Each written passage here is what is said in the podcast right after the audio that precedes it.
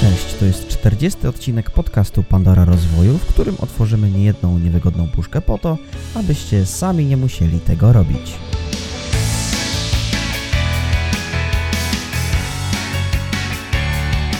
Jest to ostatni odcinek drugiego sezonu Pandory Rozwoju, w którym porozmawiamy o realizowaniu nowych projektów, a także przedstawimy statystyki dotyczące naszego podcastu.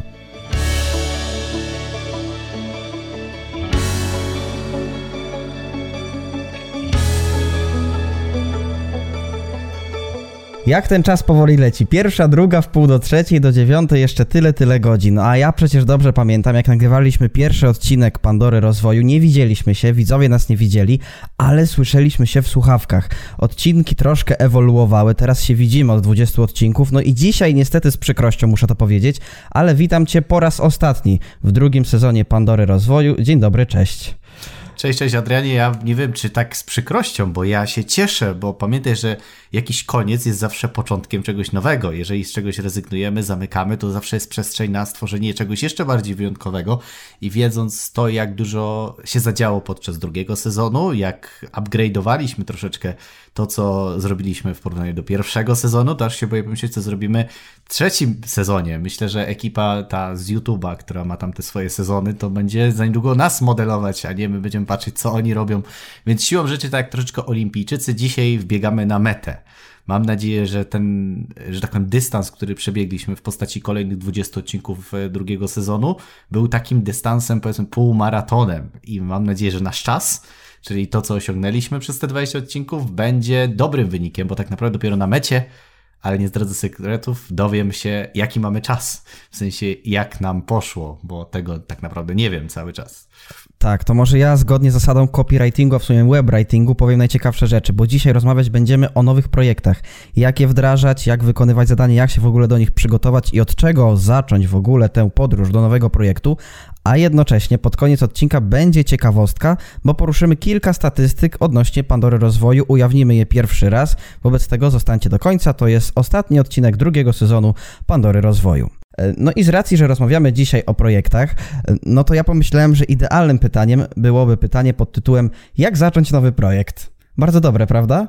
Znaczy, wiesz co, w ogóle ja muszę zacząć od tego, że kiedyś pamiętam, jak miałem e, kilkanaście lat i na przykład ktoś ci mówił, że trzeba zrobić jakiś projekt w szkole, albo jakiś projekt na studia, czy coś takiego, to dla mnie to słowo projekt to było takie takie przytłaczające. W sensie, jak słyszałem od tam starszych kolegów, że no w pracy rozpoczynamy nowe projekty wspólnie z zespołem i ja mówię, Boże, to co oni robią? Przecież projekty, to co to? Tak, projekt mi się kojarzył z takim troszeczkę architektem, który musi przygotować projekt w domu, ale tak naprawdę dopiero potem, kiedy zacząłem pracować w korporacji, to dużo bardziej oswoiłem się z tym słowem projekt, ponieważ były jakieś tam zadania ustalone, był jakiś określony cel, trzeba było się do tego przygotować, potem to, co się założyło, czyli już jakieś założenia były wstępne, zrealizować. Oczywiście po drodze pewne rzeczy wychodziły, pewne nie, no i potem podsumować cały projekt, co się udało, co się nie udało i czy realizujemy dalej.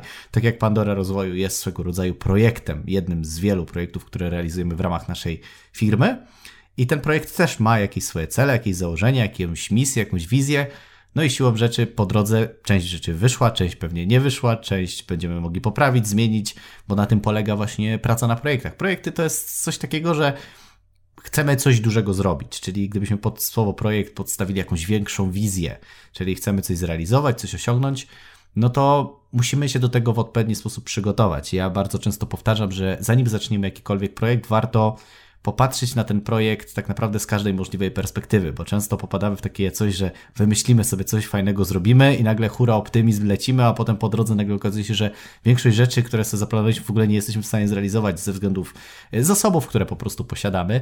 I ja bardzo często uczulam ludzi, że z jednej strony fajnie najpierw popatrzeć optymistycznie, czyli co my możemy super dużego zrobić, potem popatrzeć na to tak w sposób realistyczny, rzeczywiście co jest możliwe, ale też nie zapominać o tej takiej strony, stronie bycia krytykiem, bo często my nie chcemy krytykować. Albo jedni popadają w skrajności są albo hura optymistyczni, albo są bardzo tacy negatywni, pesymistyczni, krytykują, negują wszystko. Ja uważam, że każda perspektywa daje coś nowego, bo ja widzę na przykład jak robimy jakiekolwiek projekty szkoleniowe, na przykład w ramach jakichś kampanii marketingowych, no to z jednej strony patrzę op jako optymista, jak dużo możemy sprzedać, ile, potem wchodzę na taki realny grunt, dobra, jakie mamy zasoby, jakie mamy budżety, co możemy zrobić, no i też patrzę, co może się wysypać totalnie, nie? W sensie, co może nie pójść, co co może nie działać, czego może zabraknąć, jakie mogą być pretensje klienci, wszystkie te takie najgorsze scenariusze. Zakładam i dopiero kiedy zbiorę wszystkie możliwe e, że tak powiem, rzeczy, to dopiero zabieram się za konkretne działanie i ustalanie konkretnych kroków, jak ten projekt zrealizować. No właśnie, i w tym odcinku nie chciałbym się skupiać na tej fazie kreatywnej, koncepcyjnej, bo o tym już mówiliśmy w poprzednich odcinkach, a mam wrażenie, że być może w trzecim sezonie coś takiego poruszymy. A skoro dzisiaj mówimy o projektach, to chciałbym zapytać bardziej o wykonywanie tych projektów, czyli na przykład jak szczegółowy powinien być plan projektu, ile scenariuszy powinien zakładać i czy można przewidzieć wszystko od A do Z. E, odpowiem na drugą część pytania. Nie, nie można przewidzieć nigdy wszystkiego od A do Z, bo to jest tak jak ze sportem, z każdą dyscypliną naszego życia. Nie jesteśmy w stanie przewidzieć wszystkiego. Jeżeli ktoś potrafi przewidzieć w jakimkolwiek projekcie wszystko, to znaczy, że ten projekt nie jest dla ciebie żadnym wyzwaniem, ponieważ wiesz, robisz tylko to, czego jesteś w 100% pewny, a ja uważam, że projekt powinien zakładać jakąś dozę e, poprzeczki wyżej, żebyśmy mogli coś zrobić więcej niż to, co już znamy na swój temat i to, co wiemy, że osiągniemy. To jest tak, jak wiesz, e, lekkoatleta wie, że na pewno przebiegnie dystans w ciągu, nie wiem, tam dwóch minut, no to bez sensu, żeby cały czas biegał tylko dwie minuty, tylko żeby poprawiał swoje, wiesz, jakby wyniki, żeby biegał dalej, aczkolwiek może się zdarzyć, że pobiegnie nawet gorzej, bo może być kontuzja, mogą być różne rzeczy, może być, może być pod wiatr, są rzeczy, których tak naprawdę możemy nie przewidzieć. Mm, natomiast wiesz co, jeżeli chodzi już o samą taką realizację projektu, no to Ciężko jest powiedzieć, jak bardzo szczegółowy powinien być plan, bo to też wydaje mi się, jak duży mamy zespół, ile osób będzie wchodziło w skład tego projektu i jakie to są typy osobowości, bo są osoby, które są bardzo ogólne, tak jak ja i ja wolę bardzo ogólne informacje, natomiast są osoby, które są bardziej szczegółowe, konkretne, proceduralne i one muszą mieć wręcz wszystko detalami rozpisane, więc tutaj uważam, że w każdym projekcie powinien być dobrze dobrany zespół. To jest najważniejsze i podzespół ustalać konkretne zadania. Czyli jeżeli mamy w zespole kogoś, kto jest ogólny, koncepcyjny, kreatywny, on sobie tam tworzy, wymyśla, e, dostarcza, ale też musi być w zespole ktoś, kto potrafi znaleźć te właśnie detale, konkrety, precyzyjne elementy. I na przykład u nas w zespole ty jesteś taką osobą bardziej precyzyjną, w sensie potrafisz tam znaleźć jakieś detale i tak dalej, chociaż ty też nie jesteś takim mm. szczegółowcem, totalnym szczegółowcem, no, jak tak, niektórzy. Tak, tak. Natomiast wiesz, no ja jest, wiesz, jak znasz, ja jestem ogólnie, ogólny, tak? A ty potrafisz tam wszystkie jakieś liczby wyszukać i tak dalej. Więc y, wydaje mi się, że to jest kwestia też ustalenia zespołu. Czyli jeżeli ktoś jest bardzo ogólny, no to jemu dajemy takie większe cele, on sobie sam podzieli w głowie, a te osoby, które potrzebują więcej szczegółów, to robimy to na mniejsze cele. Oczywiście im bardziej precyzyjne są te działania, tym lepiej. No bo jeżeli napiszesz, y, zrób wynik sprzedażowy na 100 tysięcy złotych w jakimś tam projekcie, powiedzmy, finansowym, no to, to co? No to to jest tylko jakiś tam cel. No i teraz jak do tego dojść? No trzeba zrobić jakieś mikro kroki od prostych takich, wiesz, na przykład, nie wiem, jak masz sprzedawcę, to ustaw sobie stanowisko pracy takie, żeby było ergonomiczne i wygodne, bo kiedyś myślałem, że to w ogóle nie ma znaczenia, ale jak zacząłem pracować w sprzedaży, to nagle okazało się, że to, jak bardzo ergonomiczne mam środowisko pracy, czy mam wszystko pod ręką, czy nie muszę wstawać, żeby, wiesz, wychodzić zbędnie po, po, po różne rzeczy, że to wpływało na jakość mojej sprzedaży. Ja się czułem lepiej. Nawet jak teraz nagrywamy podcast, to tak stworzyłem sobie środowisko pracy, w sensie tutaj przy biurku, bo wy tego nie widzicie, że nie muszę tego na nowo rozkładać, wiesz, zmieniać, tylko cały czas mam stałe rzeczy, które są, że tak powiem, podłączone, wszystko jest okablowanie, światło, wszystko stoi. Wiesz, i dla mnie to jest dużo wygodniejsze, kiedy mam to zrobione, znam to i to jest tak, jakbyś grał na własnym stadionie. I wtedy jest ci wygodniej, bo ci skupiasz rzeczywiście na tym, co masz robić, a nie na tym, jak to wygląda. I tak wieloma różnymi rzeczami powinniśmy mm, sobie sprawdzać. Warto przeglądać na przykład w przypadku robienia projektów, e, żeby cele były rozpisane na różne rzeczy, ponieważ my się często skupiamy tylko na takich działaniach stricte zero-jedynkowych, co muszę zrobić, a zapominam na przykład o sferze mentalnej. Czyli kiedy na przykład robimy kampanię marketingową i ktoś chce dużo sprzedać i ma projekt, czyli kampania, potem jakiś webinar sprzedażowy, potem realizacja projektu już szkoleniowego, Często ludzie zapominają, że nie sztuką jest zrobić dobrą kampanię, sztuką jest też być gotowym na to, żeby dobrze sprzedać. Bo jeżeli ktoś ma na przykład przekonania, które go blokują, to co z tego, że zrobi świetną kampanię, przyjdą ludzie, jak nie będziesz umiał sprzedać. I znałem takie osoby, które miały super projekty, fajne produkty, ale finalnie ten projekt się wysypywał, bo nie, miał, nie mieli przekonania, że można mocniej sprzedać, docisnąć, powiedzieć, że coś jest super, najlepsze i tak dalej. Zresztą sam kiedyś przez wiele lat miałem takie problemy, więc to jest mega istotne, żeby na przykład wpisać sobie w Google jest taka piramida Dilca, my już kilkukrotnie na podcaście jakby poruszaliśmy i tam jest kilka poziomów.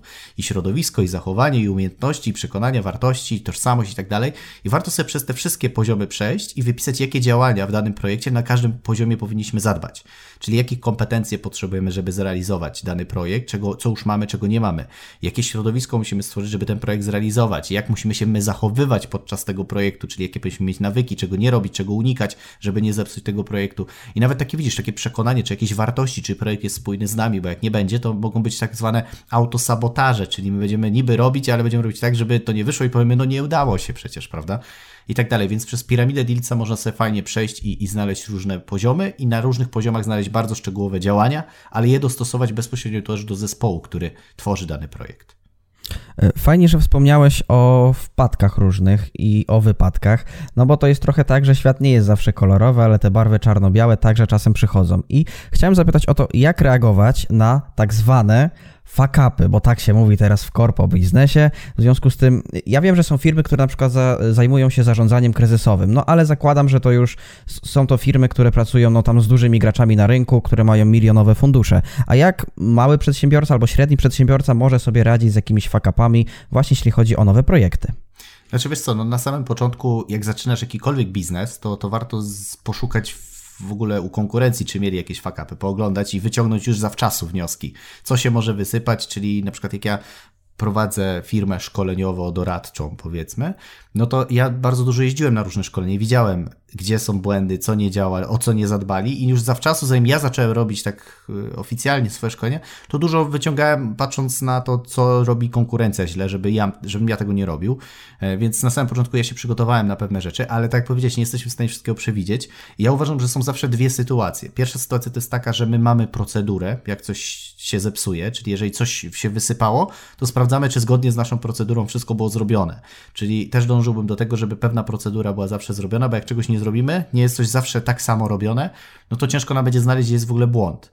Natomiast jeżeli nie mamy procedury, to też przy drugim, czyli coś się wydarzyło, czego w ogóle nie byliśmy w stanie przewidzieć, to zawsze dać sobie chwilę, żeby nie podejmować decyzji od razu. Ja się nauczyłem, że nawet jak coś się wysypie, to od razu nie podejmuję działania w sensie takim, wiesz, od razu impulsywnie pod wpływem emocji, bo często te emocje mogą być złym doradcą. W sensie możemy zrobić coś za szybko, nie w tym kierunku, nie to nie przemyślane, a dać sobie chwilę ochłonąć. Oczywiście zdarzają się sytuacje, że nie ma czasu, więc wtedy trzeba, ja uważam, że warto podążać ze swoją intuicją. W sensie ja się tak nauczyłem, to też w zależności na którym to jest etapie, bo czasami umysł podpowiada dziwne rzeczy. W sensie mówi, zrobić tak, żeby było jak, najmniejszą linią oporu. Często wydaje się to najbardziej racjonalne, ale w dłuższej perspektywie nie zawsze jest to korzystne. Ja zauważam, że często intuicja mi podpowiada, co powinienem zrobić. I na przykład jak miałem jakiś projekt szkoleniowy, który mieliśmy zrobić i nagle okazało się, że z różnych powodów coś się tam wysypało, to nie jest tak, jak się ustaliliśmy i tak dalej. No i logika mi podpowiada, Dawid, dogadaj się, dobra, pójdź na ten kompromis, zarobisz, coś tam będzie. A moja intuicja mówi, zostaw ten projekt, po prostu go porzuć, całkowicie znajdź w to miejsce coś innego. I teraz był zawsze ten konflikt pomiędzy logiką, a pomiędzy intuicją. I nagle okazało się, że rezygnowałem z tego, podążałem za intuicją, rezygnowałem z danego projektu i okazywało się, że nagle w to miejsce pojawiało się coś fajniejszego, na czym dużo więcej zarobiłem, było to przyjemniejsze, a tam przez dłuższy czas musiałbym się męczyć, jednocześnie mieć poczucie, że zrobiłem coś poniżej swojej wartości niż było założone i tak dalej, i tak dalej. Więc y, ja uważam, że na samym początku warto najpierw zaobserwować rynek, jeździć i sprawdzać, jaką, jakie błędy popełnia konkurencja, bo tego jest mnóstwo, można się bardzo dużo rzeczy nauczyć. Po drugie, robić procedury, bo na wypadek coś się może wydarzyć, warto już zrobić procedurę, gdyby coś nie wyszło. Czyli przykładowo na przykład jak ja, się występuję, jak ja przygotowuję się do wystąpienia publicznego, to zawsze zadaję sobie pytania, co może mi nie wyjść. Może nie działać mikrofon, ktoś może publiczność być znudzona, może nagle zga zgasić prąd. Ja mogę zapomnieć, albo może mi przestać działać pilot od prezentacji, tak? Może być mnóstwo różnych rzeczy, które mogą się wydarzyć. I wtedy co ja wtedy zrobię, jeżeli coś takiego będzie miało miejsce? Czyli to, co mówiłem na samym początku, jak postawimy się w roli takiego krytyka, to będziemy w stanie wyprzedzić te wszystkie najbardziej nawet abstrakcyjne scenariusze i wtedy warto przygotować sobie procedurę. Jeżeli już się to wydarzy, to nie szukać jakichś nie wiadomo dziwnych rozwiązań, tylko zrobić tak, jak jest ustalone w procedurze wcześniej, bo my wtedy to przygotowaliśmy bez emocji, a nie w trakcie emocji nagle chcemy zmieniać procedurę, bo to nie ma najmniejszego sensu. To jest tak, jak jest w samolotach. To jest święty gral. Jak coś się psuje, pilot nie myśli, a może sobie zrobię tak, a może tak, tylko odpalają książkę procedura A, B, C i robią według procedury tak, jak zostało to ustalone, nie? Mhm. No i właśnie w tej odpowiedzi zawarłeś słowo klucz, czyli procedura. I o to chciałem właśnie jeszcze troszkę podpytać, bo kiedy y, robiliśmy pierwszą edycję programu Personality and Business Revolution, byłem w szoku, że tak wiele osób pyta o procedury, jakie przygotować, po co są. Ja byłem zaskoczony, bo dla mnie to było takie naturalne, no, że musi być procedura pewnych działań, no bo to jest normalne w internecie, zwłaszcza jak się robi jakieś działania marketingowe, sprzedażowe czy jakieś projektowe. Więc jak przygotować się dobrze do procedury i czy ona rzeczywiście musi być ładnie opisana w PDF-ie, żeby każdy mógł ją odczytać, po co jest procedura, czy każdy pracownik może mieć do niej dostęp i musi. Więc takie ogólne pytania propos procedury chciałbym zadać. I zadałem. Znaczy, wiesz co, e, tak jak, tak jak ci powiem, e, ja pracowałem w korporacji i dla mnie pierwsza styczność w ogóle z procedurami to było, no to była jedna kopalnia. W sensie ja się zanurzyłem w dużej korporacji, no bo to jest, wiesz, międzynarodowa korporacja i tam była procedura dosłownie na wszystko. I tam, wiesz, wejście i wpisanie jednej frazy odpalało ci na przykład 100 różnych procedur, nie? I to były takie elaboraty na 50 stron i one nie były zbyt ładne, czytelne, ale niektóre były fajniejsze, w sensie na przykład jak mieliśmy programy. Jedne były do obsługi klienta, drugie były do obsługi stanów magazynowych, trzecie były do obsługi e, paragonowo-fiskalnej i wiesz, i tam jak zrobić odpowiednią korektę, to nie, nie dzwoniłeś do kierownika, panie kierowniku, ja, bo ja nie wiem jak tu z klientem zrobić korektę faktury, tylko mówię odpal sobie procedurę. No i trzeba było wejść w bazę wiedzy, w odpowiedni program i procedura i szukałeś spośród tego rozwiązanie na twój problem i tam wszystko było opisane. No i rzeczywiście za piątym razem, jak już się zrobiło to, to już nie trzeba było nawet zerkać do procedury, chociaż jak coś nie działało, to warto było zerknąć, czy czegoś nie pominąłem. I po to jest właśnie procedura. Natomiast według mnie ona powinna być krok po kroku dobrze przedstawiona. W sensie najważniejsze rzeczy powinny być w ogóle wyszczególnione w procedurze, czyli takie największe możliwe fakapy. Czyli na przykład jeżeli coś wpisujemy i to ma być drukowanymi, to trzeba napisać wpisz to drukowanymi literami, bo często niby się nam wydają rzeczy oczywiste, ale te najbardziej właśnie oczywiste powinny być najbardziej podkreślone, żeby o nich nie zapominać. Ja na przykład bardzo często, jak wysyłałem procedurę do zrobienia certyfikatów grafikowi, wysyłałem mu w punktach, co ma zrobić, to zawsze na czerwono pisałem, chociaż wiedziałem, że to jest oczywiste, ale wiem z doświadczenia, że inni graficy robili błędy, żeby w momencie, kiedy jest na przykład odmiana, że ukończyła albo ukończył, no to napisałem, że zawsze, żeby zwrócić uwagę, czy poprawna końcówka w certyfikacie jest zrobiona, czyli mężczyzna to ukończył, a kobieta ukończyła. Czyli niby to jest oczywiste, ale niekoniecznie dla każdego grafika żeby to sprawdzić, mm -hmm. nie? Więc już mm -hmm. na bazie doświadczenia potem nagle się dowiadywałem, że jeszcze inne rzeczy można tam dopisać, żeby na przykład sprawdzić jakieś błędy, czy formatowanie, czy coś i tak dalej. I nagle okazało się, że rzeczywiście taka, tak wysłanie takiej zawsze to samo. Nawet jak wysyłałem to za dziesiątym razem do grafika, to wysyłałem mu zawsze to samo, według tego samego schematu, żeby przypadkiem, bo ja wiem, że pamiętajcie o jednej rzeczy, że ludzie to są ludzie, to nie są cyborgi. I popełnianie błędów jest ludzkie. Jak komuś się nie wyśle, bo już założymy, że ktoś już wie, procedury, no to automatycznie może ta osoba popełnić błąd, bo nie spojrzała, nie zrobiła czegoś z checklistą, nie odhaczyła sobie. Więc według mnie procedura powinna przede wszystkim być jasna, czytelna, precyzyjna, bez zbyt długich opisowych zdań, tylko podzielić to właśnie na małe części, żeby można było to ładnie odhaczać. Czyli zrobiłem punkt pierwszy, punkt drugi, punkt trzeci, żeby nie punkt czwarty miał 18 stron, bo wiesz, bo tym czytasz i już się zgubiłeś w połowie, tylko podzielić to na mniejsze punkty, żeby można było iść po kolei, tak? I czy ładnie w PDF? No to ty już powinieneś się wypowiedzieć, bo ty jak robisz procedurę, to one są tak przepiękne, że nawet osoby, które na co dzień siedzą w procedurach, były zachwycone tym, jak ty ładnie robisz procedury. Więc według mnie one powinny być estetyczne, wiesz, jakąś strzałeczkę, jakieś pokazanie zdjęcie z systemu czy z czegoś, e, jakiś przykład, żeby ktoś mógł mieć jakąś takie, jeżeli coś oczekujemy, że ktoś coś zrobi, to pokazać mu wzór na przykład tego, jak to ma wyglądać, bo wtedy będzie mu dużo łatwiej. Mm, no i przede wszystkim procedury na wszystko, żeby one były dobrze pokatalogowane, czyli żeby procedura nie mieszała dwóch różnych, trzech różnych rzeczy. Bo często jest tak, że ktoś robi jedną procedurę na wszystko, a lepiej zrobić pięć procedur, na podzielić na osobne rzeczy, żeby jak czegoś konkretnego szukasz, żeby potem nie szukać w jednej dużej procedurze, tylko żeby mieć kilka procedur podzielonych na różne rzeczy. To jest moje zdanie. Ja też pamiętam, jak wspominałeś, nie wiem, czy to na podcaście, czy na jakimś szkoleniu, jedną rzecz, bo to już tyle tego, tyle cię widzę po prostu, że już nie wiem, kiedy co się dzieje, ale e, chodziło mniej więcej o to, że procedury są potrzebne w ogóle do ciągłości firmy, bo kiedy jeden pracownik odchodzi, drugi przychodzi, to już wszystko jest gotowe i tak jakby nie zaczynamy znowu od zera, tylko jesteśmy w jakimś punkcie wyjściowym i po prostu od niego sobie dalej pracujemy, więc mało to jest też tego, super. Mało tego, dużo łatwiej jest przekazać stanowisko komuś innemu. Czyli w sytuacji, kiedy Adrian stwierdza, że nie chce pracować już u Dawida Świstka, mówię, ok, jest ostatni miesiąc, szukam sobie następcę i ty mu możesz pokazać, tu jest procedura na to, tu się robi na to. Jeżeli nie było jakiejś stworzonej procedury, a ty coś robiłeś, to wtedy stwarzasz tą procedurę specjalnie dla tego człowieka. Ten człowiek ma czas, żeby się przygotować, ma wszystko rozpisane, trenuje, dostaje feedback, ty się zwalniasz i wchodzimy płynnie w następną osobę. No. A jeżeli nie masz procedur, nie masz wiedzy, a pracownik się zwalnia, no to potem jak chcesz go wyszkolić? Wtedy jest przestój, wtedy jest nagle, o kurczę, co teraz, nie? Więc według mnie mhm. warto, żeby pewne rzeczy były już dobrze usystematyzowane, żeby osoba, która zatrudnia też wiedziała, co ta osoba robi, bo jak nie wie, no to też jest no, nie do końca ciekawie, nie?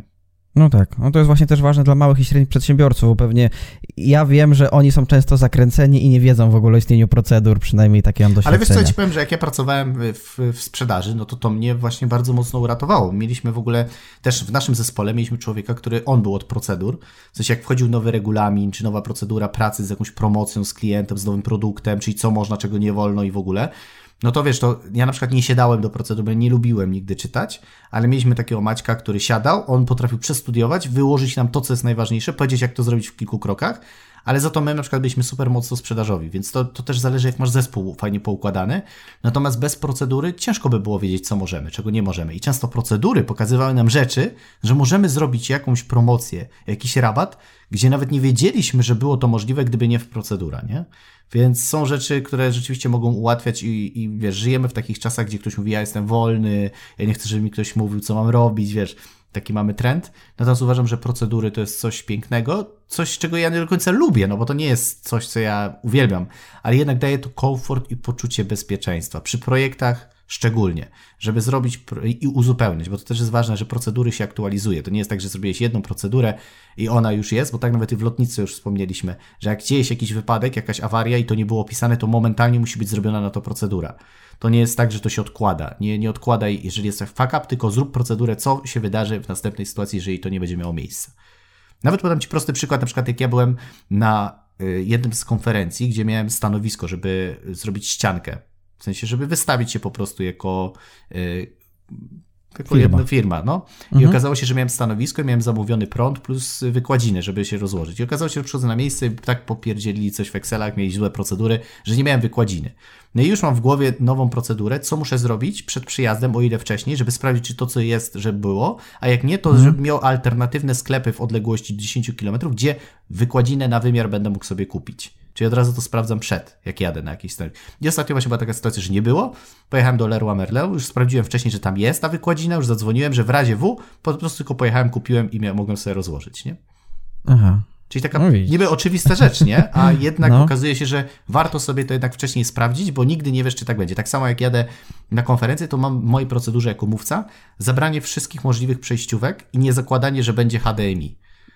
Zdziwiłbyś się, jak w wielu hotelach czterogwiazdkowych. No, domyślam się. Cały czas jest, wiesz, VGA, wiesz, do rzutnika, tak? tak? I to jest tak, niby tak. już jakiś pewnego standard powinien być to HDMI. Okazuje się, że nie. I teraz mając na przykład MacBooka, musisz mieć kilka różnych przejściówek, a jak nie masz, mhm. i to też, wiesz, często jest tak, że musisz mieć na przykład wzmacniacz sygnału, bo na przykład jest tak, że komputer Mac jest stary sprzęt i Mac puszcza, ale już do projektora nie dolatuje twoja no, prezentacja. Tak. To też już mam w procedurze, żeby zadzwonić do hotelu, czy w razie czego posiad- mają wzmacniać sygnału do prezentacji. Wtedy nikt o to nie pyta. Ja mówię, ale ja pytam. Macie? Mamy. Dziękuję, to proszę przygotować na sali, gdyby nie działało. Więc zawsze dzwonię do hotelu i sprawdzam, tak? Mhm. Więc to też jest bardzo ważne. I to już są takie, wiesz, każdy tworzy swoje własne procedury, jak ma jakieś duże projekty. Tak. Moją ulubioną podczas wystąpień publicznych jest to, że czasem po prostu się zapomina czegoś. I tak chcesz o czymś mówić, ale czasem coś ci wyleci z głowy i nie wiesz, gdzie się ten wątek urwał. W związku z tym takie trzy historie, które są turbo uniwersalne, to chyba też ty mówiłeś, ale ja to tak korzystałem z tego tak nieświadomie jeszcze, bez znajomości ja mam technik. Nawet, ja, mam nawet, ja mam nawet taką technikę, którą nazywam bombę. W sensie bomba, ja no to, bomba. to ja to tak, tak, tylko, tak, to Tylko ja to, nawet tak. nie tyle historię, co ćwiczenie. Bo historia mhm. oczywiście możesz powiedzieć, ale dalej mówisz. A czasami jest tak, że jak już w ogóle się zatniesz, no to nie wiesz, co chcesz powiedzieć. I wtedy jest taka no totalna tak cisza, się, tak. ach, potrzebujesz no. mieć chwilę, żeby ludzie nie, nie patrzyli na ciebie. I wtedy masz takie trzy alternatywne ćwiczenia, które zawsze możesz wykorzystać. Na przykład mówisz do publiczności, wiecie co, to jest świetny moment, żebyście teraz połączyli się w pary i żebyście zastanowili się to, co teraz powiedziałem i jak wy możecie to wykorzystać w biznesie, bo to jest mega istotne i zobaczymy, kto wpadnie na ciekawy wniosek, który zaraz pociągniemy dalej. I wiesz, i ludzie wtedy wydaje, w parach tak dyskutują 60 sekund I oni, wiesz, dyskutują, jest hałas, ty możesz się zastanowić, ewentualnie zerknąć na prezentację, przypomnieć sobie, o, jakie wnioski, super, super, super wniosek, szukasz takiego wniosku, który mm. będzie nawiązywał do dalszej części prezentacji, podnosisz go, komentujesz i lecisz dalej z prezentacją, nie? I nikt no, nie wiedział, że w ogóle... nic się nie stało. Tak, więc tak. warto mieć takie trzy ćwiczenia proste, które zawsze będą pasowały do tematyki, do twojej prezentacji w każdym momencie, nie? Niby taka tak. oczywista rzecz, ale nikt nie wie, że to nie było przygotowane, w sensie, że to było, no, było przygotowane, jest procedura na to. Ale nikt nie wie, że to był po prostu wynik twojej słabej pamięci. Ale tak, lecytynka tak. i te sprawy polecamy, warto. Tak, i orzechy. Tak. No, no, właśnie, ale skoro jesteśmy przy procedurach, no to to jest taka część bardzo techniczno-mechaniczna, bym to nazwał, i tutaj odchodzimy troszkę od zasobów ludzkich. A jeszcze chciałem poruszyć temat zasobów ludzkich, czyli czy to pracowników, czy współpracowników, czy partnerów. Jak zarządzać właśnie tymi zasobami e, przy nowym projekcie? Bo to jest trochę tak, że jak mamy stary projekt, to każdy zna swój kąt, każdy zna swoje miejsca. Przy nowych projektach może być tak, że niektórzy myślą, że na przykład ich jurysdykcja sięga nieco dalej niż w rzeczywistości. Więc jak tutaj ustawić wszystkich do pionu i czy potrzebny jest na przykład koordynator? Ale ja zadaję takie błahe pytania dzisiaj. Znaczy nie, no wiesz, no to są pytania oczywiste, bo, bo oczywiście musi być osoba, która nadzoruje, to w ogóle nie ma dyskusji mhm. i na pewno musi być podział obowiązków. Też nie może być tak, że jest jedna osoba, znaczy jeżeli jest mały projekt, to wystarczy, ale jeżeli jest większy projekt, no to jedna osoba, która będzie odpowiedzialna za wszystko, no to to jest najgorsza rzecz, którą można zrobić. Czasami widziałem duże eventy i rzeczywiście była jedna osoba odpowiedzialna za wszystko. Za obsługę prelegentów, za obsługę sali szkoleniowej, za catering i za coś jeszcze, nie? No i teraz wiesz, ta osoba biega od cateringu do prelegentów i ma wszystko na głowie, tu się wysypie, tu się wysypie i nagle ta osoba jest po prostu, wiesz, no to tak jak mamy na lotnisku, no każde, każda część podróżny musi mieć swoich koordynatorów. Jedni są odpowiedzialni za bezpieczeństwo, inni są odpowiedzialni za dokowanie, ktoś inny jeszcze za serwis w samolocie, ktoś inny jeszcze za coś innego. Wiesz, i tak powinno być dokładnie w projektach, więc musimy mieć jak najbardziej szeroki zespół. Im bardziej rozbudowany projekt, tym więcej osób, które mają poszczególne działy nadzorować. E, bo wtedy, jeżeli jest problem, to się zgłaszamy właśnie do kogoś, kto jest specjalistą, kto podejmie tą finalną decyzję, tak? I w momencie, w którym się coś dzieje, jest jakiś pożar, jest jakaś awaria, no to osoby, które są w zespole, wiedzą, do kogo mają się udać. No bo tak jak masz na przykład, nie wiem, wypadek samochodowy i nagle wiesz, nikt nie przejmie kontroli, no to kto zadzwoni, kto ten. Więc jak mhm. mnie na przykład uczyli pierwszej pomocy, to zawsze, jeżeli przejmujesz inicjatywę, chcesz być tą osobą podczas wypadku, to mówisz, ty dzwonisz tu, ty robisz to i wydajesz konkretne komendy, kto co ma zrobić. E, I tak samo jest w projektach, że musi być osoba, która nadzoruje, która koordynuje tych ludzi, no bo niestety, ale bez tego będzie rozsypany po prostu projekt i każdy będzie chciał się rządzić, każdy będzie i nie będzie osoby, która będzie świadomie mogła wziąć odpowiedzialność, tak jak w drużynie piłkarskiej kapitan. Musisz powiedzieć, słuchaj, nie, nie wolno i koniec. I nie ma dyskusji. Tak samo jak w meczu jest sędzia, nie ma dyskusji. Oczywiście pamiętajmy o tym, że zespół jest na tyle zróżnicowany, że musimy pamiętać, że jak dobieramy zespół, to też musimy zgrać ten zespół. Nie, nie bez powodu są tak zwane team buildingi w ogóle, bo jeżeli nie pracujesz z zespołem, nie znasz swojego zespołu, no to ciężko jest mówić, żeby ten też zespół projektowo dobrze działał. No i najgorszą rzeczą, którą można robić w projektowych y, rzeczach, jeżeli chodzi o zespół, to dobierać zespół taki, który się po prostu lubi. Często jest tak, że my lubimy osoby, które są do nas podobne. Czyli na przykład ja jestem takim, nie wiem, z dynamiki bogactwa, bo jest taki tam, taki test, na przykład jestem starem, tak mi wyszło. No i star to jest taka osoba według tamtej konkretnego jakiegoś tam testu, która po prostu wymyśla, która gwiazdorzy, która lubi mówić dużo i w ogóle jest taka, wiesz, że przyciąga ludzi. Steve Jobs. No taki, wiesz, no po prostu taka osoba. No i rzeczywiście tak jest. Natomiast mhm. ja mam duży problem potem już z finalizacją, w sensie z dopinaniem, mhm. z procedurami, z papierkami, wiesz, i w momencie, w którym ja nie będę miał w zespole osoby, która będzie się tym zajmowała, to ja fajnie przyciągnę ludzi, ale ja potem z tym nic, nic nie zrobię. Dlatego w zespół nie może być tylko, że na przykład jak ja miał w zespole pięciu starów, no to byśmy robili najlepsze show na świecie. Ale co z tego, jakby tam dalej w następnym procesie trzeba poprawić, trzeba obsłużyć, trzeba wystawić faktury, trzeba zrobić coś tam. No i kto by to robił, jak wszyscy by chcieli gwiazdożyć, nie? Więc też zespół musi być dobierany pod kątem różnorodności i osobowości i tego, jaką ma daną specyfikę dana osoba. Czyli jak mamy dobry zespół, to powinna być osoba, która rzeczywiście wyjdzie i zrobi świetne show. I to jest jej odpowiedzialność, żeby przyciągnąć ludzi. Osoba, która już dopnie, sfinalizuje, taki wiesz, dealmaker, który po prostu wiesz, po prostu wszystko zrobi tak fajnie. Osoba, która to potem sprawdzi pod kątem, czy wszystko jest zgodne w dokumentacji. I na końcu jeszcze powinien być taki gość, który po prostu weźmie jak taki typowy dyrektor sprzedaży. Dobra, czego tu nie ma? wiesz, żeby wyciągnąć na przyszłość, jak poprawić cały proces. Bo po zamkniętym projekcie zawsze trzeba wyciągnąć wnioski, poprawić i zrobić coś lepszego. Nie? Mhm. I też mam jedno pytanie odnośnie nowych projektów e, dotyczące mentorów, bo e, na blogu ostatnio Twoim pojawił się wpis dotyczący mentorów, jakich wybierać. Serdecznie zapraszamy, dawidświstek.com kościk blog. E, no i czy do realizacji nowych projektów potrzebni są mentorzy? No bo na przykład, kiedy my zaczynaliśmy podcast, no to ja chyba pamiętam, że zwróciłeś się do pewnej osoby, która też podcasty robiła, z tego co pamiętam, tak? Bo to Tak. jest chyba dobre, bo to można zmodelować po prostu pewne zachowania i No jeżeli, uczyć się jeżeli na nie masz błędach. wiedzy, jeżeli nie masz wiedzy albo twoja wiedza jest po prostu ogólna, kiedy startujesz z jakimś Mhm. projektem, no to najgorszą rzeczą jest po prostu startować i nie wziąć rad od innych. No to jest, dla mnie to jest no, głupota. To jest tak jakbym chciał dzisiaj wystartować, nie wiem, i zacząć trenować triatlon, nie wiedząc czym jest triatlon i zacząć biegać po prostu tak o, nabawić się kontuzji, zrobić wszystkie możliwe błędy, gdzie mógłbym zadzwonić do kilku osób, które już powiedzmy x lat biegają w triatlonie i mi powiedzą od razu, takich butów nie kupuj, tego nie rób, tamtego nie rób.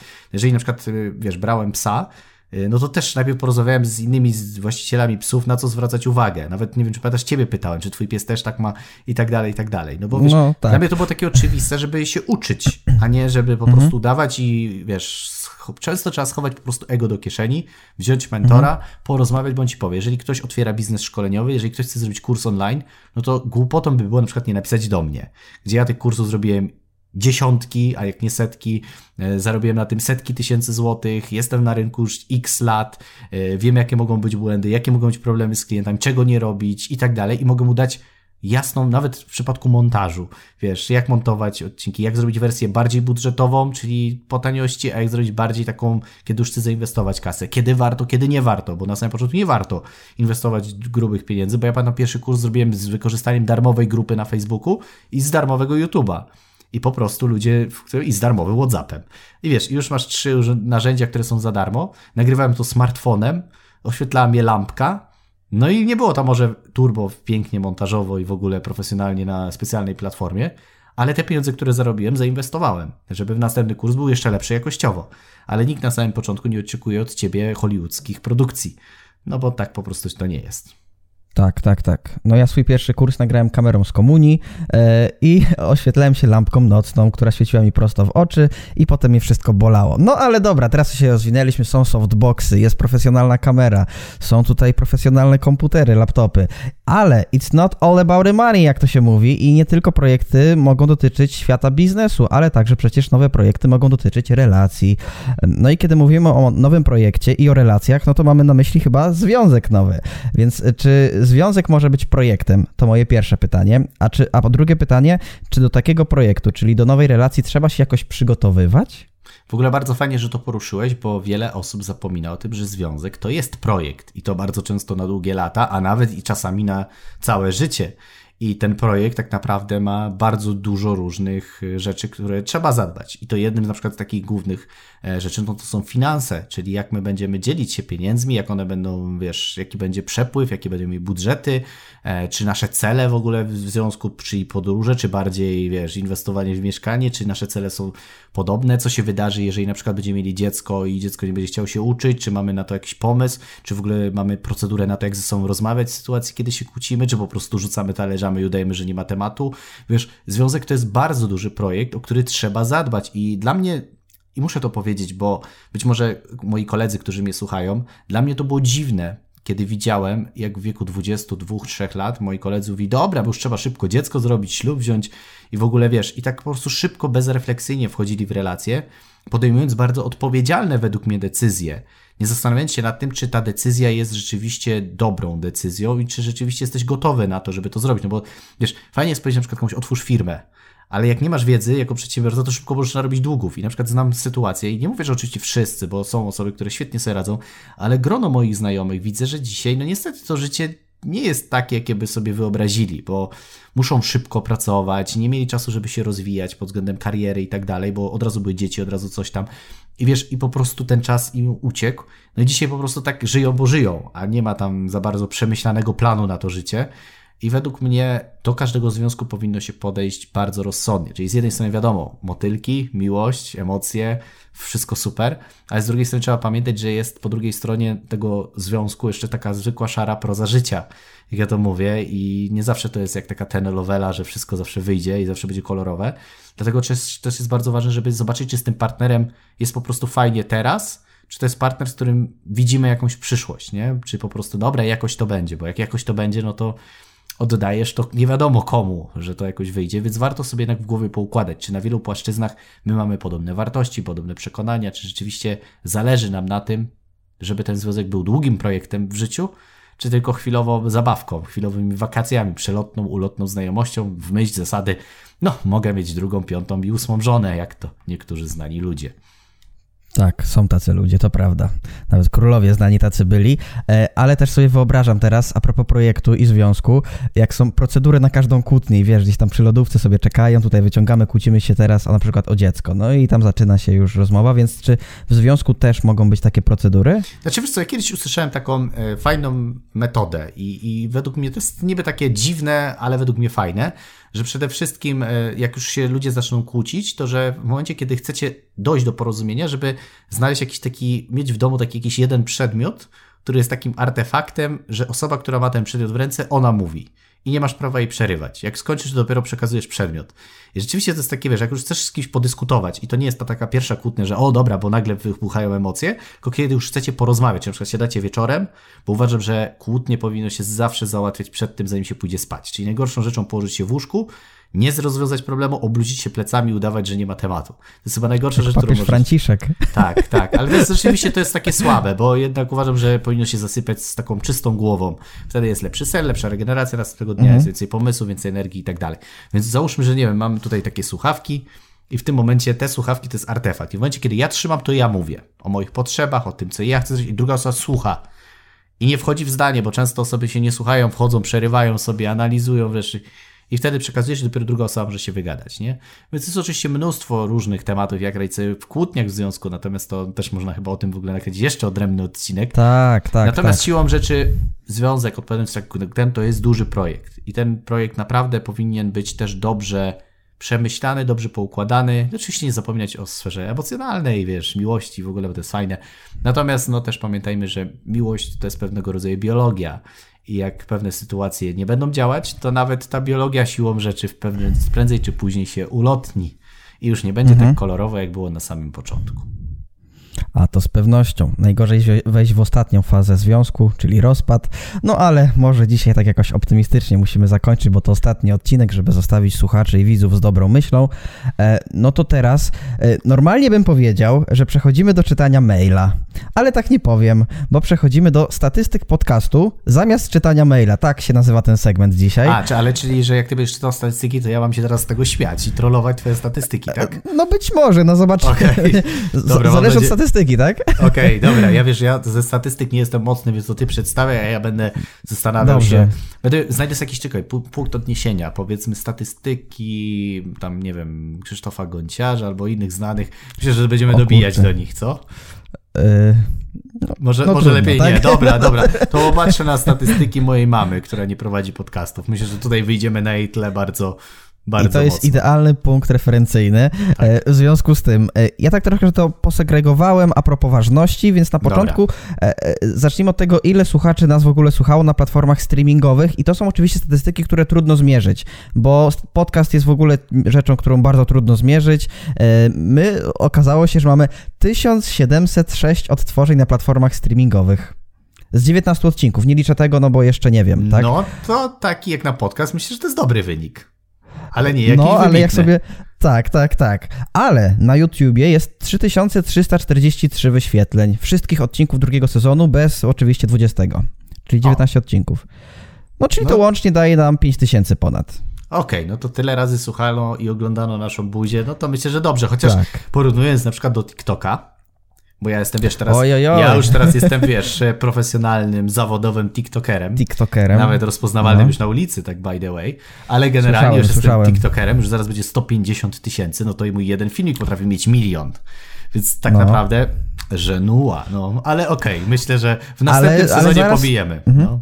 Tak, tak, ale zaraz zobaczysz, że to nie jest żenuła, ale to momencik, ja będę budował napięcie cały czas. Dobra. Najkrótszy odcinek y, był pod tytułem Jak być asertywnym, był to odcinek numer 12 i trwał 40 minut 50 sekund. Najkrótszy? Z kolei najdłuższy najkrótszy. O, tak. no, to mnie zaskoczyłeś. Z kolei najdłuższy to jak pisać dobre oferty sprzedażowe i był to odcinek premierowy, odcinek numer jeden, 53 minuty i 51 sekund. O, proszę, no to Czy... wiesz, jakby to kobiety powiedziały, raczej jesteśmy długodystansowcami.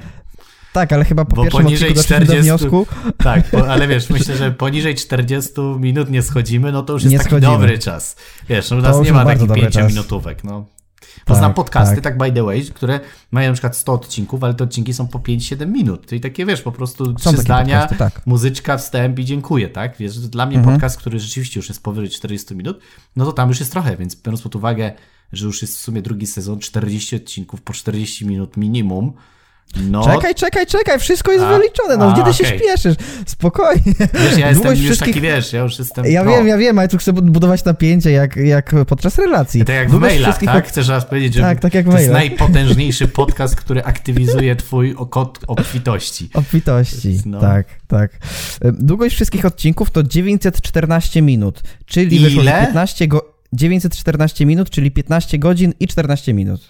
To prawie jeszcze trochę byśmy mieli dobę, jeszcze 9 godzin i byśmy mieli dobę. W połączeniu z pierwszym sezonem gdzieś tyle wyjdzie.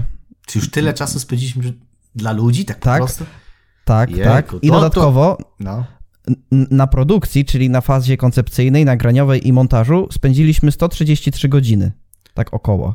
O kurde, no to powiem ci, i teraz niech ktoś powie, Niech ktoś napisze tylko w komentarzu, bo że ten podcast, widziałem na Empiku chyba, ktoś wrzucił taki komentarz, że ten tak. podcast nic mi nie dał.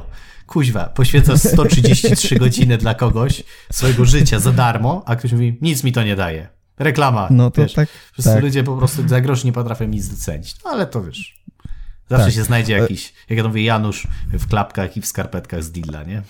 Dokładnie. Bardzo fajną statystyką jest to, że jeden odcinek jest średnio słuchany 175 razy, przy czym mamy 90 stałych podcasterów, to znaczy osób, które słuchają nas w serwisach streamingowych. Okay. I to też jest ciekawe, czyli, czyli prawie setka osób jest takimi wiernymi fanami, którzy nas... Tak, tak. To pewnie tak, wszystkie tak, te tak, moje tak. najwierniejsze fanki z TikToka. Tak myślę. No pewnie tak. no pewnie tak. No. Dodatkowo 19 odcinków e, zrobiło 310 łapek w górę na YouTubie i jedynie 4 łapki w dół. Naprawdę jesteśmy tylko 4 łapki no, w dół? naprawdę. Wydaje mi się, no, że w pierwszym sezonie chyba było więcej łapek w dół. Więcej było. Mi się wydaje, więcej, że na początku więcej, mieliśmy więcej. po prostu takich hejterów, którzy chcieli nas zablokować. Widziałem, że nawet filmik jeszcze się nie zaczął, mieliśmy 3 łapki w dół, czyli ktoś tam po prostu klikał dla zasady, więc, więc wiesz.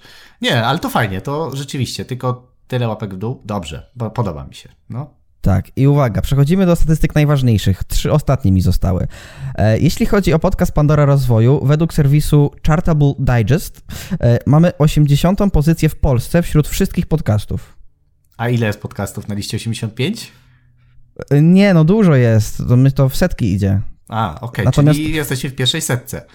Z no. szansami na ranking ATP, jak to w tenisie, wskoczyć do pierwszej dziesiątki tak. przy trzecim sezonie. Słuchajcie, Przy czym pamiętajmy, że to jest 40 odcinków tylko. Niektórzy tylko, mają tak. po 200. No tak, więc słuchajcie, jeżeli chcecie, żebyśmy w trzecim sezonie dalej nagrywali, zrobili coś wyjątkowego, no to musicie komentować, dawać łapki w górę i dawać propozycje. Wtedy wspólnie wejdziemy do top 10, a może i kiedyś nawet numer 1 i może kiedyś na olimpiadzie, wiesz, zrobią jakieś, wiesz, takie, y, jakąś konkurencję w stylu najlepsi, najbardziej precyzyjni podcasterzy na czas, wiesz. Będziemy przy tak. mikrofonach coś tam gadać, albo ilość wypowiedzianych słów w minutę na przykład, czy coś, wiesz. To będziemy tak, specjalnie tak, tak. trenować. No, nie, ale fajnie, dobra. Pierwsza setka, pamiętajmy, no nie od razu Rzym zbudowano, nie od razu, wiesz, yy, będziemy top 1, aczkolwiek myślę, że mamy dobrą pozycję startową, bo lepiej startować startować od dołu niż bronić górę. Tak jest. Tak, ale niestety, skoro tak mówisz, to mam też rozczarowującą informację, bo zajmujemy dziesiąte miejsce w Polsce, jeśli chodzi o podcast biznesowy. Ale to jest rozczarowujące, bo ile jest 10 podcasterów biznes? Nie, no bo powiedziałeś, że jesteśmy na górze, no to już jesteśmy w ATP, ranking 10, A, czyli no to top wiesz, 10 to... biznesowych. Teraz no trzeba trzymać, tak. No ale dobra, no ale biorąc pod uwagę, że zawężamy, no to i tak jesteśmy w ogonie, w ten top 10, tak. więc trzeba wskoczyć na podium, czyli top 3, więc ci, którzy są na no podium, dobrze. uwaga moi drodzy, bójcie się, bo trzeci sezon nadchodzi. Myślę, że po trzecim sezonie będziecie mogli oglądać nas spod spodu. Dokładnie.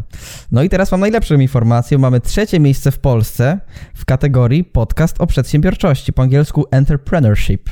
O, no to fajnie, no to bardzo się cieszę. Czyli jednak można się czegoś od nas nauczyć. Być może, tak. być może ta osoba, która napisała ten komentarz na Empiku, po prostu zobaczyła miniaturkę i stwierdziła, że ona się nic nie nauczyła z tej miniaturki i tak dlatego napisała taki komentarz. Ale fajnie, no top 3, może. ale to też nie jest 3. jeszcze top 1, czyli jest w każdej jeszcze statystyce nie. mamy co gonić, także jest motywacja na następny sezon, więc myślę, że trzeba będzie wymyślić coś ultra ciekawego, żeby zwiększyć zasięgi. Myślę, że rozpoczniemy też bardziej promocję, bo do tej pory też trzeba to podkreślić, bo myślę, że mało osób wie, że my tego tak jakby nie promujemy. Te statystyki, one wszystkie wynikają z czysto organicznej pracy, bo nie wykorzystywałem ani TikToka, ani innych mediów społecznościowych, żeby specjalnie promować ten podcast. Więc my też chcieliśmy zrobić pierwsze dwa sezony bez takiej większej promocji, żeby też, jak już zaczniemy mocno promocję, żeby to już było w miarę proceduralnie dobrze wszystko poukładane, niż żeby wrzucić od razu całemu światu wszystko to, co, co nie było być może doszlifowane. Więc myślę, że z trzecim e, sezonem będzie już dużo więcej też promocji, reklam, być może innych rzeczy, które mogą jeszcze bardziej wywindować i myślę, że te statystyki po trzecim sezonie będą lepsze. Ale jestem miło zaskoczony. Bardzo dobrze. Te rankingi są ciekawe, muszę przyznać. Tak. Nie wiem na ile są miarodajne, no ale to jest jedyna platforma, to Chartable, która pokazuje dokładnie podcasty i każdy z niej korzysta na świecie, więc ja mamy, zakładam, mamy że są nad, okay. Mamy nad czym pracować. Weźmiemy nasz projekt, że tak powiem, przeanalizujemy, rozpiszemy mikrodziałania, dostosujemy zespół, być może zatrudnimy jakiegoś eksperta, który będzie koordynował czysto promocję naszego wiesz, podcastu, bo myślę, że to jest też ciekawa y, forma dystrybucji do innych odbiorców, bo zwróć uwagę, że zupełnie inne osoby trafiają do nas, do firmy z Facebooka, ktoś inny z TikToka, ktoś inny z Pandory rozwoju, więc każde medium, każda forma pokazywania i dawania, dzielenia się wiedzą w content marketingu jest fajną promocją nazwiska i tego, co robimy, więc myślę, że Biorąc pod uwagę systematyczność, jakość i tematykę, myślę, że powinniśmy zająć w ogóle jedno z wyższych miejsc w rankingu pod względem niegadania bzdur. Bo my raczej na naszym podcaście byśmy zajęli wysokie miejsce pod względem obalania właśnie bzdur, więc, więc myślę, mhm. że to chyba cenią sobie u nas słuchacze. Stąd też sama nazwa Pandora Rozwoju. No dokładnie tak. No a ja ostatni raz w tym sezonie powiem moją formułkę, e, która być może w trzecim sezonie Ej, się wiesz, zmieni. Jak, no, ale... powiedziałeś, tak poczułem się, tak, takie wzruszenie normalnie, aż prawie łezka mi się prawie uroniła, bo mówię, ale że jak to po raz ostatni, jak to tak, nie, nie mówmy żegnam, może powiedzmy po prostu gdzieś do widzenia, bo do Do zobaczenia, do zobaczenia, tak, tak, tak, w przyszłości, tak. no. No ale póki co żegnamy. Możemy, możemy poprosić, możemy poprosić naszych tak? słuchaczy, że jak nas no. słuchają, to mogą albo wysłać nam jakieś wiadomości prywatne, czy na Instagramie, czy na Facebooku. Mogą nas oznaczyć gdzieś w mediach, żebyśmy wiedzieli, że oglądaliście ten ostatni odcinek, albo możecie na YouTube, na przykład w komentarzach zobaczyć, za co nam dziękujecie. Na przykład to było takie fajne, takie, żebyśmy mieli też z waszej strony wersji, co wam się najbardziej podobało w drugim sezonie, który odcinek albo któreś zdanie, być może jakaś jedna myśl, bo czasem warto obejrzeć kilka odcinków, żeby usłyszeć jedno zdanie, które możecie do czegoś zmotywować, zainspirować, coś ci pokazać, więc możecie nam dać informacje na priv, będziemy czekać z dużą tak. dozą cierpliwości. Ale wydaje mi się, że też ludzie lubią ostatnie rzeczy, bo kiedy wysłaliśmy mailing w piątek, to zaraz chwilę po nim dołączyło kilka osób w ogóle do grupy na Facebooku Pandora Rozwoju tak. i w sobotę też dołączali i w niedzielę też dołączali, więc byłem zdziwiony, że jak ostatni odcinek się nagle wszyscy budzą i teraz pewnie będą oglądać Tak, i na grupie na pewno wrzucimy pierwszą informację, nawet niewykluczone, że zrobimy jakieś spotkanie z fanami, E, bo tak sobie ostatnio myślałem, żeby zrobić taką burzę mózgów. Te osoby, które będą przyszły, na przykład nie wiem, jakiegoś Zooma czy coś, żeby same nam wrzuciły pomysły, bo chcemy to tworzyć tak, żeby ludzie mogli z tego korzystać, a nie po to, żeby nam było fajnie. Bo tak. my to robimy dla ludzi, a nie dla siebie. No ale fajnie też może być jednocześnie, tak trzeba znaleźć. Nie no, my się, przy tym, my się przy tym świetnie bawimy. Jak wiesz, jak tak. kiedyś zrobimy making offa ze wszystkich możliwych odcinków, to po prostu ludzie by się pośmiali, jakbyśmy tu gadali. Te słuchawki niedziałające i inne rzeczy, bo w naszym projekcie też było mnóstwo fuck-upów podczas Pandory rozwoju, ale tak. już mamy procedurę, co zrobić, jak już nie działa, nie? Więc... Tak, tak, już wszystko jest ustalone, tak. wszystko wiemy. W związku z tym możecie dołączyć do grupy Pandora Rozwoju Społeczność Słuchaczy na Facebooku, aby otrzymać te wszystkie benefity, o których mówił Dawid. E, chociaż nie wiem, czy to są benefity. No z pewnością są, bo możecie mieć realny wpływ na wygląd sezonu numer 3 Pandory Rozwoju, który prawdopodobnie no, całkowicie zmiecie już rynek. Widać, widać po statystykach, że idziemy w dobrą stronę jak to śpiewał Dawid, y, nie chciałem powiedzieć Dawid Świstek, Dawid Podsiadło. Chociaż kto wie, może będziemy śpiewać w kolejnym sezonie Pandory.